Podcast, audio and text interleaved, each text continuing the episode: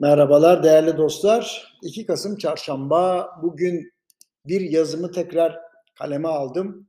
Hatırlar mısınız? Altının altında kalmak diye bir yazı yazmıştım. Şimdi onu revisited dedim. Yani Fed ve Avrupa Merkez Bankası ard arda faiz artışı yapıyor ve bunun devam edeceğinin beklentisi altına 1960'ların sonlarından beri en uzun düşüş serisini yaşatmak üzere.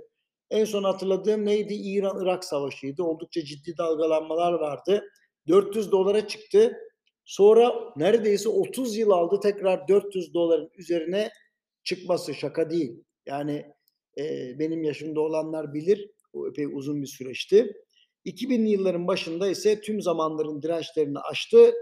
Ondan e, 2008 yılında başlayan krizle beraber yükseliş hızı arttı. Dünya mortgage krizinden kaynaklanan dar boğazı geride bırakırken altın tekrar gevşedi ama altının onsu 1000 doların altına inmedi. Orada üzerinde kalmaya başardı ve şöyle diyeyim size büyük yürüyüş başladı 2015'te ardından pandeminin ortasına kadar 2000 dolara kadar yükseldi. Sonra işler normale dönüyor beklentisiyle gevşedi. Bugün ise farklı bir yola girdi diyebilirim. Şimdi spot altın yıl başından beri %10 değer kaybetti. Hatta Rusya-Ukrayna çatışmaları başladığında ulaştığı değerin de %20 altında. Her zaman söylediğimiz gibi güçlü paralara ilgi arttığı zaman altına olan talep de düşüyor.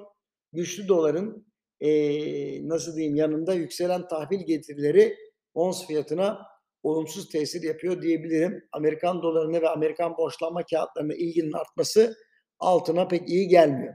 Tahvil faizleri vadelerine göre bakıldığında da bize şu mesajı veriyor. Amerika'nın önümüzdeki 2 yılı kuşkulu ama gelecekteki 10 yılına güven var. Bu durum ne oluyor? Altın yatırımcısını para bağlamaktan uzaklaştırıyor.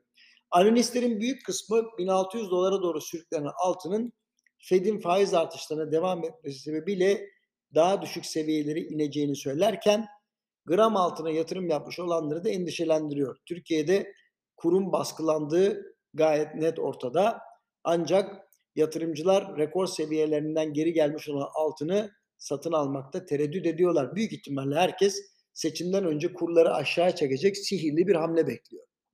Şimdi son yıllarda altında alsat imkanının ancak ve ancak profesyonellerin yapabileceği bir faaliyet olduğunu, amatörlerin uzun vadeli ve sabırlı hareket etmeleri gerektiğini anlatmaya çalışıyorum. Şu an yaşanan tecrübede olduğu gibi uzun süre düşüş yaşayan enstrümanlarda alım yaptıktan sonra fiyat hareketlerine fazla bakmadan sabırla beklemek lazım.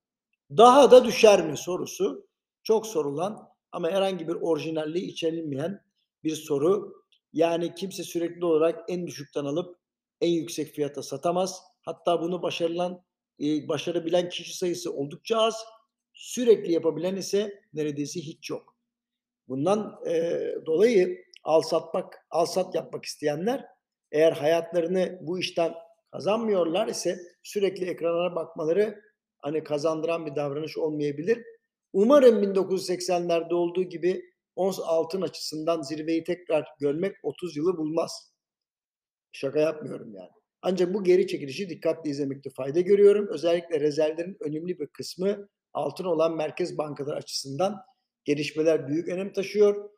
Türkiye Cumhuriyet Merkez Bankası'nda 700 tona yakın rezerv var. Hatta altın mevcut durumda en hızlı arttıranların başında.